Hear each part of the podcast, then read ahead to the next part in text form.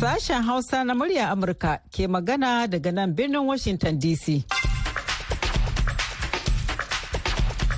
Masu saurari Assalamu alaikum barkamu da wannan lokaci alheri Grace Abdu ce tare da sauran abokan aiki muke farin cikin kawo muku wannan shiri da wannan hantsi.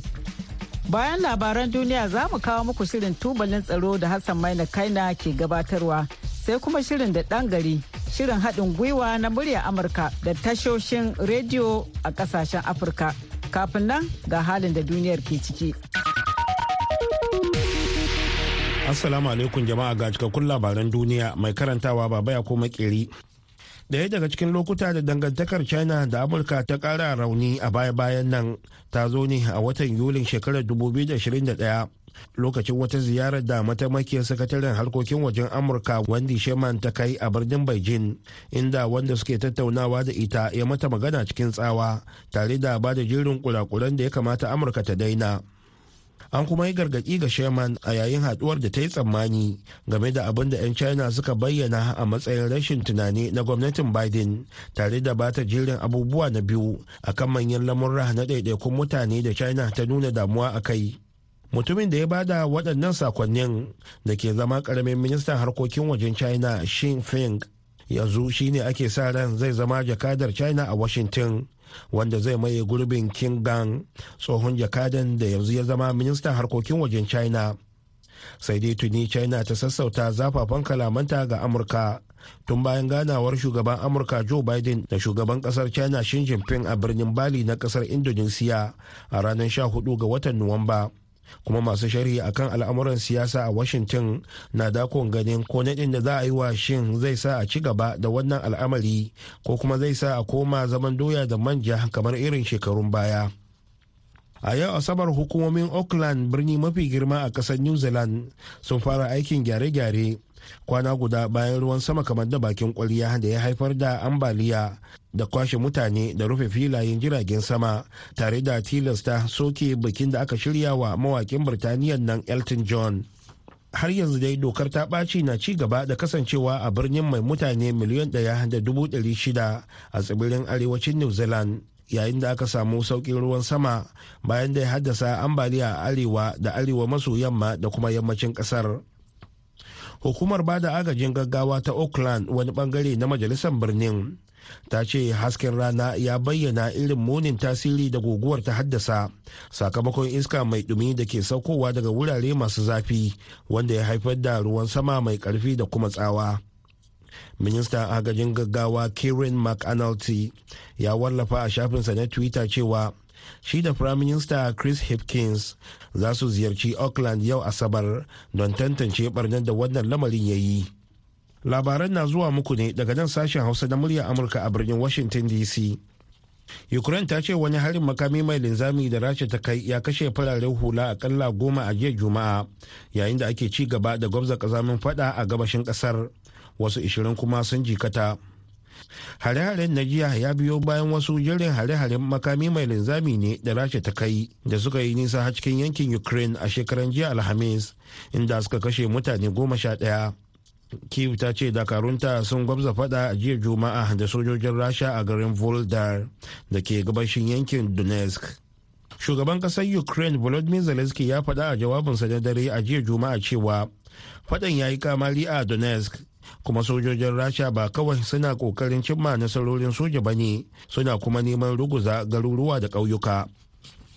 Hukumar da ke sa ido akan makami mai guba ta duniya ta faɗa a jiya juma'a cewa masu bincikenta sun gano dalilai masu ma'ana da za a iya yarda da su cewa sojojin saman siriya sun jefa tukunyar silinda guda biyu ɗauke da gubar iskar krolin a birnin doma a watan afrilun shekarar 2018 inda suka kashe mutane 43 wani rahoto da wata tawaga daga ƙungiyar haramta makamai masu guba ta fitar ya ba da tabbaci na baya-bayan nan cewa gwamnatin bashar assad ta yi amfani da makami mai guba a lokacin yaƙin basasar ƙasar.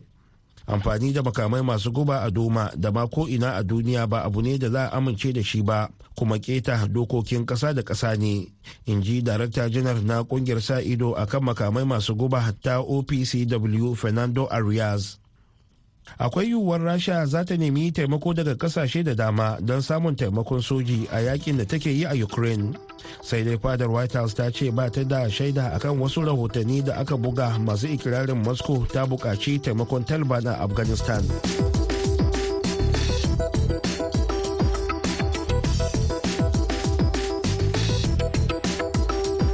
Labaran duniya kenan aka saurara daga nan sashen hausa na muryar amurka birnin washington dc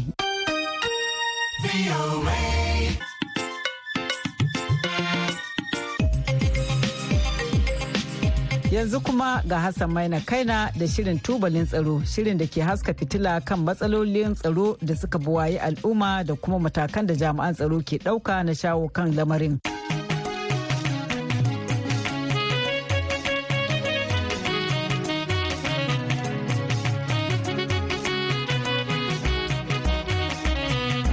Masu sauraro Assalamu alaikum.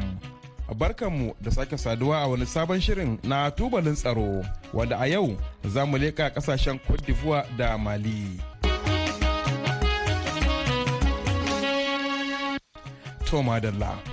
Gwamnatin mulkin soji ta ƙasar Mali ta yi afuwa ga wasu sojojin ƙasar Cote d'Ivoire guda 49 da ta kama lokacin da suka sauka a filin jirgin saman Bamako a watan Yulin shekarar da ta gabata. Hukumomin ƙasar na mali na zargin waɗannan sojoji ne da shiga ƙasar ba bisa ka'ida ba ba kuma da saninta ba da nufin haɓarar da gwamnatin mulkin soji ta kanar asimi goita daga kan karagar mulki zargin da tuni ƙasar cote d'ivoire ta musanta. Wakilinmu da ke niyami a jamhuriyar niger sule mumini barma na sa ido kan abin da ke faruwa a ƙasar ta mali. Watanni akalla shida aka shafe ana kai da kawo don ganin hukumomin mali sun saki waɗannan sojoji 49 'yan ƙasar cote d'ivoire da suka kama a ranar goma ga watan yulin 2022 ainihi an tura waɗannan dakaru ne domin ayyukan zaman lafiya a ƙarƙashin rundunar majalisar ɗinkin duniya. Sai dai gwamnatin mali ta ce ba ta da masaniya a kan zuwansu saboda haka ta cafke su a matsayin waɗanda suka shiga ƙasar ɗauke da makamai ba da izini ba. Hasali ma ta zarge su da yankurin juyin mulki. Matakin da salisu amadu na ƙungiyar sovoli nishayar ke ganin yayi daidai. A aika ma mutane su ba 'yan ta'adda ba su ba mutanen kwantar da zartar zuma ba. Kurin baka da labari shi kenan shi ga matakan tsaro a gidanka. In an ka tambaya ce a wai da mun eh mutane ne wanda aka yi za a zo su tsare ƙasar ka ka taba ganin abin ai ko mi gadi za ka ɗauka kai kai ne kake ɗaukar shi a matsayin ka na mai gida. Billahi ko gida gare ka idan ka bari matarka za ta yi kajiran mai gadi ka shiga uku. To amma mai sharhi a kan sha'anin tsaro Abdulrahman Alkasum na fassara matakin gwamnatin ta Mali a matsayin wata dabara irin ta a rabe da guzuma a harbikar sana. Kamun da aka musu da zargin da aka musu wani abu ne na abun asha saboda kowa ya sani abubuwan da suke a bayyane sun zo canjin wata runduna ne wanda kuma karo na takwas ne ana canji kuma waɗanda suka zo canjin aiki iri ɗaya ne suka zo su yi da irin nasu. Zargi na niyyar juyin mulki ko kawo hargitsi cikin ƙasa kuma su zo su sabka cikin babban hilin jirgi na ƙasa a babban birnin ƙasa da jirgi da makamai da kayan soji a bayyane a wani kwage wanda ke bisa kulawar sojojin ƙasar. Wannan ba daidai ba ne ba gaskiya ba ne kuma babu inda aka taɓa yin irin wannan abu. Saboda ko can dama ita ƙasar malin tana da wasu manuhohinta musamman na neman ita every cost ta ba ta har hula 'yan adawa na siyasa waɗanda suke zaune a abijankin tun bayan da aka tumɓuke gwamnatin ibeka. A washe garin faruwar wannan al'amari ƙungiyar sai yawo ta tura tawagar shugabannin ƙasashe da nufin bin kadu. Sai dai haka bata cimma ruwa ba. Haka kuma shugaban ƙasar togo fornya simbe wanda ke matuƙar dasawa da sojojin da ke mulki a mali ya shiga yunkurin sulhunta ɓangarorin da ke cikin wannan dambarwa. Lamarin da ya sa aka damƙa batun a hannun mashara'anta wacce bayan zama da ɗagewa har sau biyu a ƙarshe a ranar 30 ga watan disamban 2022 ta sanar cewa ta samu waɗannan sojoji da aikata tarin munanan laifuka ciki har da yunkurin juyin mulki. Saboda haka ta yanke wa kowanne daga cikinsu hukuncin zaman gidan yarin shekaru 20 mako guda bayan kotun ta sanar da matsayinta ƙasar mali ta ba da sanarwar sallamar su daga gidan yari. Son Excellence le colonel Assimi Goïta, président de la transition, chef de l'État, a accordé sa grâce avec remise totale de peine aux 49 Ivoiriens condamnés par la justice malienne kakakin gwamnatin rikon kwaryar mali kanal abdullahi mega kenan a yanda ya bayyana a kafar talabijin ta ortm a daren juma'a 6 ga watan janairun 2023 yana mai cewa shugaban mali kanal asimi goita ya yi afuwa wa sojojin nan na cote d'ivoire 49 waɗanda a makon da ya gabata kotu ta yankewa kowannensu hukuncin zaman gidan yarin shekaru 20 a bisa samun su da laifin shiga ƙasar ba akan ka'ida ba da nufin tayar da zaune tsaye yunkurin juyin mulki da wasu tarin laifuka masu nasaba da haddasa rudani. de fraternité et de bon voisinage entre la République du Mali et la République de Côte d'Ivoire. da yake bayyana ra'ayinsa shugaban ƙungiyar kare hakkin jama'a ta la voix de sanvoix nasiru saidu ya yaba da wannan mataki ƙasan mali akasin abin da taka tallata ma duniya ko taka gwadi tana buƙatar wasu ƙasashe na duniya tana buƙatar hulɗa da ƙasashe na afirka irin waɗanda a cikin sai da yawo. Shaida ce ta diplomasiya wadda a cikin sai da yawo tana da ƙarhi kuma tana iya warware duk wasu matsaloli tsakanin ƙasa da ƙasa. Mali ta tabbatar da ba yiwuwa ta yi rayuwa ƙauyance ita ɗai. Komi ta samu ta ce za ta yi shi ita ɗai. Tunda sojojin na ai wajen shekara ashirin aka yanke musu hukunci na shari'a. Amma ai ba su yi wata guda ba aka sake su kenan. Mali ta tabbatar da idan ta yi haka tana iya ta yi amfani da wasu abubuwa a gaba na sai yawo waɗanda aka iya ita ma a sassakata mata dangance da rayuwar talakanta ko kuma dangance da tattalin arzikin ƙasarta. sallamar waɗannan askarawa ta hanyar sulhu wani abu ne da ƙungiyar ɗaliban jami'ar yamai ta iyunin a sanarwar da ta fitar ta ayyana a matsayin wani abin alfahari da ya kamata ƙasashen afirka su mai da hankali a kansa don gwada wa duniya cewa akwai haɗin kai a tsakanin al'ummomin wannan nahiya mutari isa mamba ne a kwamitin zartarwar wannan ƙungiya. Kungiyar ɗaliban jami'ar abdu mummuni ta mai tana jinjinawa ƙasashe na cikin ƙungiyar nan ta yawo wajen yarjejeniyar da aka samu tsakanin ƙasar mali da ƙasar cote d'ivoire wajen sakin wato jami'an tsaro guda 49 na ƙasar cote d'ivoire. Muna kira da ƙasashen na afirka ta yamma su kara haɗin kai su kara gane wa junansu domin kwato incin wannan ƙasashe. A watannin farkon kama waɗannan sojoji, ƙungiyar ECOWAS ta hanyar shugaban rikonta Imbalo Sisoko na ƙasar Gina Bisau ya baiwa Mali wa'adi ta gaggauta sakin waɗannan sojoji ko kuma ta yaba wa aya zaƙinta. To sai dai da take mai da martani gwamnatin ƙasar ta hanyar kakakinta ta jaddada wa shugaba imbalo cewa wasa wuka baya kada gaban doki domin tun a ranar 14 ga watan janairun 2022 mali ta fita daga sahun ƙasashen da ake iya razanawa a cewar su Depuis le 14 janvier 2022, le Mali ne figure plus sur la liste des pays intimidables et a définitivement retrouvé sa souveraineté. A kan wannan matsayi jami'an fafutuka na da ra'ayoyi mabambanta. duk mutum mai nutsuwa mai tsinkaye ya san sarai shi wasumi gota abubuwan da yake yi ba abu ne ba wanda yake kurin wai don ya burge wani abu ne wanda yake zuwa don ya gyara ƙasar shi. Mali akwai bulbudin gaskiya da abubuwan da take wallahi inda karya ce yake tsaye da ita da ko ina bai zuwa kuma bai kai gayya. Sojojin ƙasar mali har yomin wani ya yi magana wadda da sunan ecowas na za su ga kamar ra'ayi ne na ga matsayin shi na mutum ya yi ba magana ce ba ta ƙasashe duka na ecowas. Suna yin shi ne domin su gwada matalakawansu su suna bisa burtali wanda shi ne mahi yawanci a ganin su mutane suke son su jiya.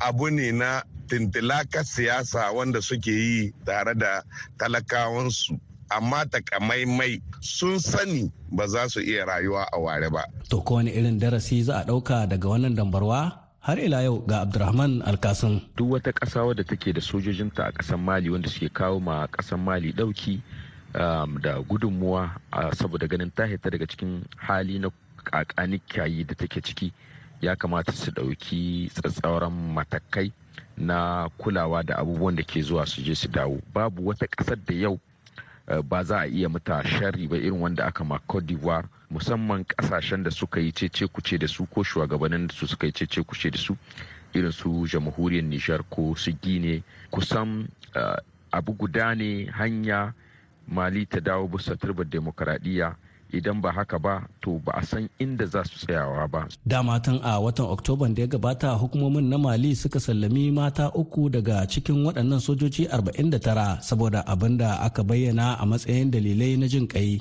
saboda haka sojoji 46 suka sauka a filin jirgin saman Abidjan a ranar Asabar 7 ga watan Janairun 2023 inda tawagar jami'an gwamnati a ƙarƙashin jagorancin shugaba Alasan Watara ta yi masu babban tarbe. saluer tout particulièrement mon frère le président Faure Gnassingbé shugaban ƙasar cote d'ivoire na cewa ina godiya ta musamman ga dan uwana shugaba Forza Simbe saboda yadda ya dage haikan don ganin sojojinmu sun dawo gida.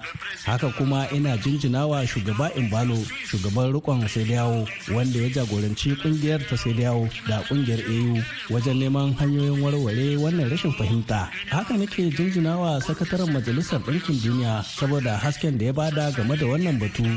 Kun gani duk yadda aka sami saɓani yan uwa kan sasantawa a junansu su dawo su zauna tare. To haka aka yi a tsakaninmu da 'yan uwanmu na mali. Diflomasiya ta aiki kuma ita ce hanyar da muka zaɓa. A yanzu dai an sanar cewa shugaban ƙasar ta cote d'ivoire ya gayyaci takwaransa asimi goita na ƙasar mali domin ya ziyarci ƙasar ta cote d'ivoire a nan gaba kaɗan. Masu sauraro duka-duka da wannan muka zo ƙarshen wannan shiri na tubalin tsaro na wannan mako. Sai kuma mako mai zuwa idan Allah ya kai mu kwaji mu ɗauke da wani sabon shirin. A madadin wakilin namu na Nijar Sule Mini Barma, Solomon Abo shine wanda ya daidaita mana sauti da kuma sashen Hausa na muryar Amurka. Sunana Hassan mai na kai nake sallama da ku, mu kasance lafiya. To a gaida Malam Hassan yanzu kuma ga shirinmu na gaba. Assalamu alaikum jama'a masu sauraron gidan rediyo muryar Amurka barkanmu da warhaka. Barkanmu da saduwa da ku a cikin wani sabon shiri da ɗan gari. Shirin da ɗan gari shirin da ke duba akan al'amura musamman ma ƙauyuka ko garuruwa masu tasowa. Shirin da a cikin shi ne kukan ji labarai da rayuwar da waɗannan garuruwa suke ciki. Har ma da kalubalen da suke fuskanta domin tattauna matsalar kaita wajen mahukunta domin neman samun mafita. A wannan makon shirin dan gari mai gabatar da shi suna naman sassani tare da ɗaya daga cikin shugabannin wannan gari da muka kawo ziyara da ake ce ma adarawa. Salamu alaikum mai gari sai a gabatar da kai da suna da matsayi a wannan yanki da muke tare da kai zama sauraron rediyo muryar amurka. Aminu alaikar salam wa rahmatullahi ta'ala barakatu na farko dai ni ne mai garin adara sha'ibu iro. Ma sha'ibu yaya aka shi da jagorancin al'umma? Barka ka dai alhamdulillah alhamdulillah yau da an ce kai ke gaba to an ce sai ka sa haƙuri. Eh masha Allah. Alhamdulillah da ni da jama'a. Muna nan mana ta zama haƙuri yammu da su.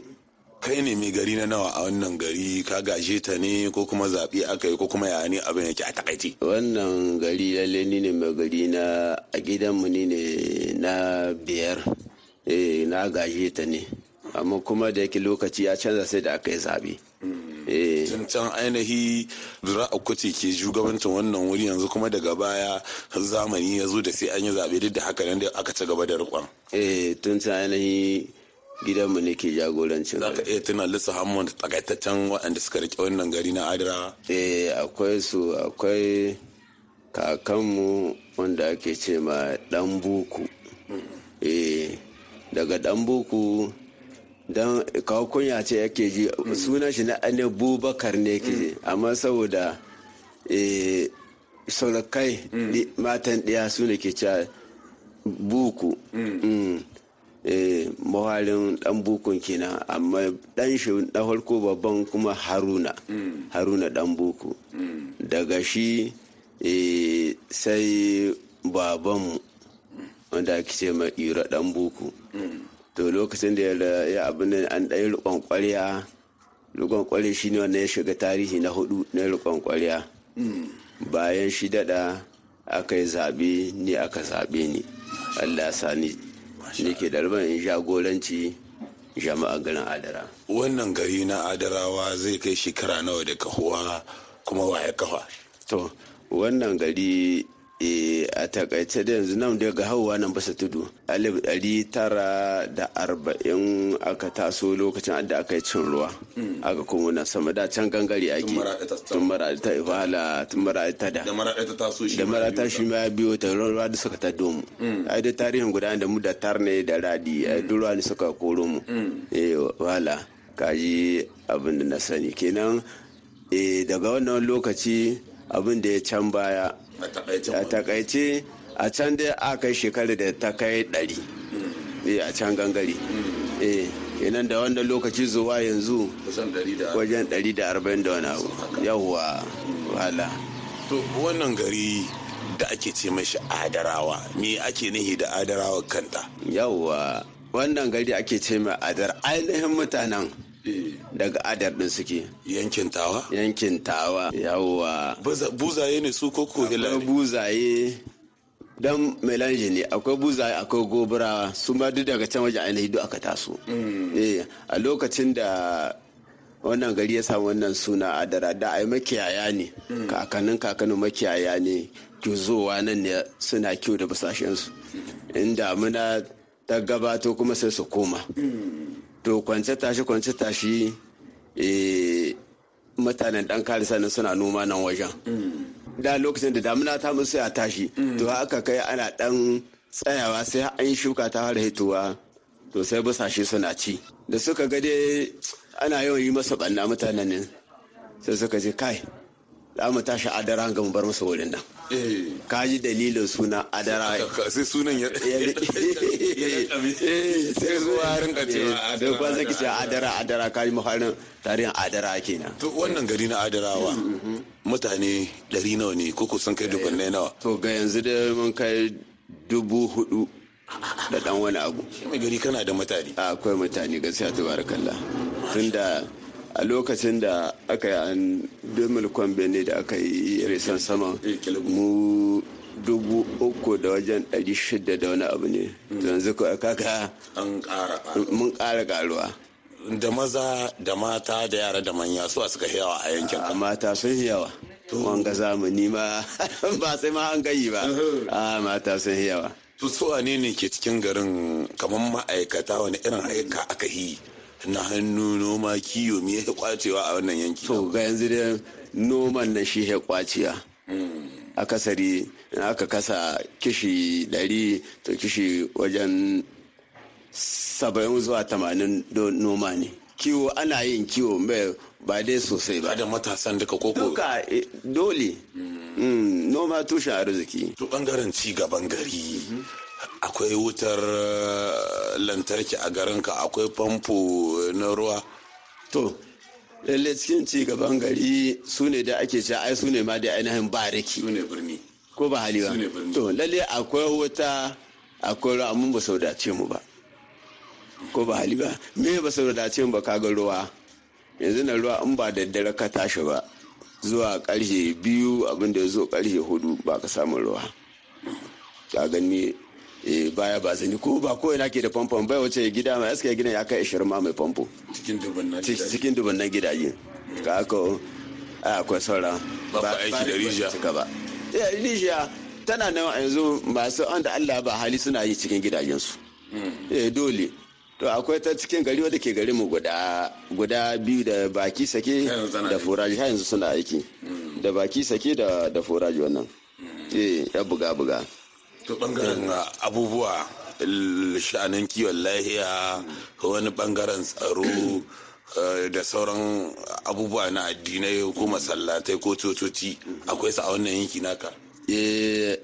Sashen addini dai muna da addini na musulunci. Akwai coci cikin garin? Ba mu da coci. Amma muna da masallatai sosai. akwai kiristoci wa'anda ko da ba nan ba nan suke rayuwa suna zuwa wani wuri suna abin nan? To wanda na sani akwai guda ɗaya. Guda ɗaya ne gare mu. Shi ma sai da je can ya ba da shi wadda suke yi. Kuma ba tsangwama cikin ba. Tsangwama sai kowa ya addini shi. Eh mana. Kari na ba ni baka tona ba ni kora ka. Addinin ka daban ciya dole sai ka yi nau. Kai ko ciya za ka sai na yi naka. Kenan kowa ya sha'ani shi. Inda aka ce layik layik to ina maganar makarantun boko da na zamani akwai su wadatattu a wannan yanki naka? To gaskiya makarantun su ne ba mu da su wadatacci inda yanzu ka ga yanzu na equal primary ɗaya ce ke gare mu. Nan garin na biyu ga mu da sai eje ba mu da sai eje yanzu ka ga yaran mu wasu sun ta jiratawa wasu sahu wasu nan da yake min dan matso cikin birnin ta dan matso mu cikin birnin ake kawai kaga kana da hali ana kan kashi jirata ko za sai ka damar da kai transfer neman shi transfer kamar doshi nan kusan maradi. Eh to nan da muna da nan ƙalubale kun yi laddi can baya ko kuma kun bijire ma ci gaban da aka samu wajen a sa ɗaya karatun boko wanda da a ce kun matsa ku gaba a wancan lokacin nan da waɗancan shekaru arba'in ɗin da yanzu kun samu an kula da ku wajen ɓangaren gina lakwaloli ko makarantun boko. Mu ba a cewa mun sha da baya bisa sa ya lakwal. kun yi tasawa can baya shekaru da yawa. shekaru da yawa. an samu ministoci ko kuma dubitoci daga yankin adarawa. lalle ko ba a sami ministoci ba da an samu da yan wanda da yan huwa kadar da aka an samu ba ka gwalgwalo akwai manyan ma'aikata wanda yan asalin sa yan adarawa ne ƙwarai ƙwarai ƙwarai ƙwarai akwai su ina maganar ɓangaren siyasa? Jami'iyu in suka zo na wurin suna alfahari da yawan mutanen ko hitowa da ƙura'a. Sosai ko suke alfahari. Sosai ma nan ƙasar jirata kamna ai jirata muke bi. Amma yadda suke alfahari da mu ko sauran ko jirata gari ba alfahari da ita haka tabbas. Akwai proje-proje masu kawo cimaka ko wasu abubuwa. Shin suna lekowa yankin ku suna ba da tallafin tallafin yana isa ga al'umma an an ba mai gari? Eh tabbas suna badawa amma yanzu abin kasan mai gari wani bai da wannan lokaci Allah ya kama siyasa sai a dan mai da shi ƙauye. Sai dai a shiga dai cikin gari. Sai dai in matsala ce ta samu ko wani abu kuma a nuhu mai gari. Da yake shi mai da shi jirgin shara da eh. Amma aka zo da abin sai a ce al'umma za a ba. Eh al'umma za a ba. Ni ba al'umma ba ne mai gari ba al'umma ba ne. Eh. Kenan mai gari ba wasu kuɗi gari shi ba wani salar ga mai gari ba. Babu albashi. Yau yana ina. Da can tsohon ya ɗauki wani alƙawali kuma Allah ya kawo wannan lokaci ya akwai manyan gonakai ga mai gari. Ba su. Sun zama gidaje. Na mutane. Mu kaji ma inda ma babban ma kalubalen mu nan. Me kalubalen? Yawa gonaki mai sun koma gidaje. Wa mai da su? A to gwamnati kuma al'umma ta yi yawa. Kuna da wani abu wanda za a cewa shine shaidar an zo nan wurin ko wani abu da ake sarrafawa? To can ai abin da kiton kawai da shi noman ne haci ko to yanzu ba hacin tun da zaka yanzu wasu wannan abin da aka ce da akwai da wanda ba su da gonakin. Babu babu gari ya canye. Yanzu abin da muke alfahari da shi hadama. Ya zogale zogale wannan da muke aiki da shi kina kawai. Su ne eh wannan akwai zogale a cikin perimeter. Eh to shi ne muke son gwamnati muna kiya gare ta yan hadama da ke garin mu ta ƙara kama mu a samu ko gandana a maida mu ita.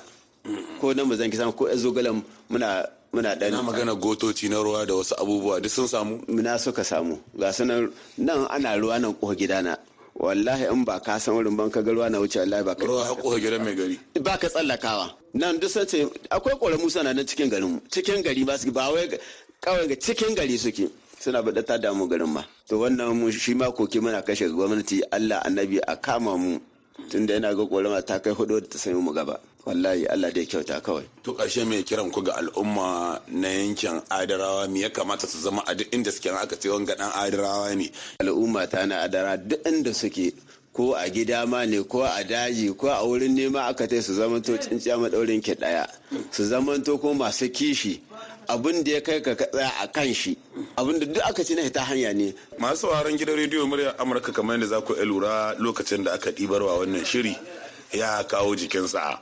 A madadin sauran abokan aiki na gidan rediyo voa hausa suna na mansur sani daga nan maradi jamhuriyar niger nake muku fatan alheri ku tarbe mu a wani mako a cikin wani sabon shiri da ɗan gari akan ci gari Da haka ne kuma muka kawo ƙarshen shirin namu na wannan lokaci sai kuma da rana ku ji abokan aikinmu da wani sabon shiri har da a dawo lafiya na baba Yakubu Makeri da kuma matasa a duniyar gizo na Shamsiya Hamza Ibrahim.